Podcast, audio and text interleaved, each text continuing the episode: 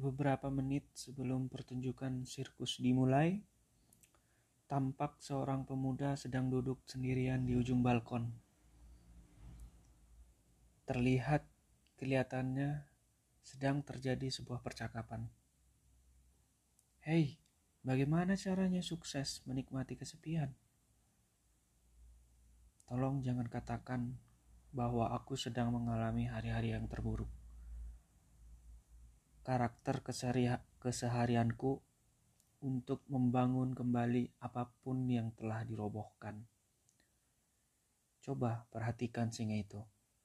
Bagaimanapun orang terhibur, tertawa dengan tingkah lakunya di dalam kandang, ia tetaplah sang raja hutan atau burung elang di sebelah sana. Dirimu akan sulit menyamakan terbang menjulang ke langit bersamanya. Tetapi impianmu sangatlah bisa setara dengan sayapnya. Lalu bagaimana dengan manusia? Cobalah lihat para juara. Medalinya tak pernah dibagi. Hanya untuk seorang saja bukan. Jadi buat apa ditakutkan menjalani keseharian untuk suatu tujuan?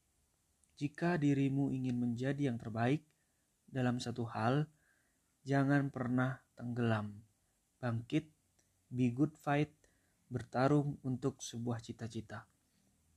Oh ya, ada pertanyaan yang ingin sekali aku tanyakan padamu.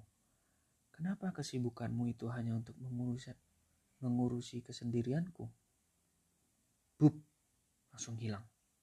Ternyata dari layar tampak sebuah kebenaran bahwa dirinya sedang bicara dengan pikirannya sendiri.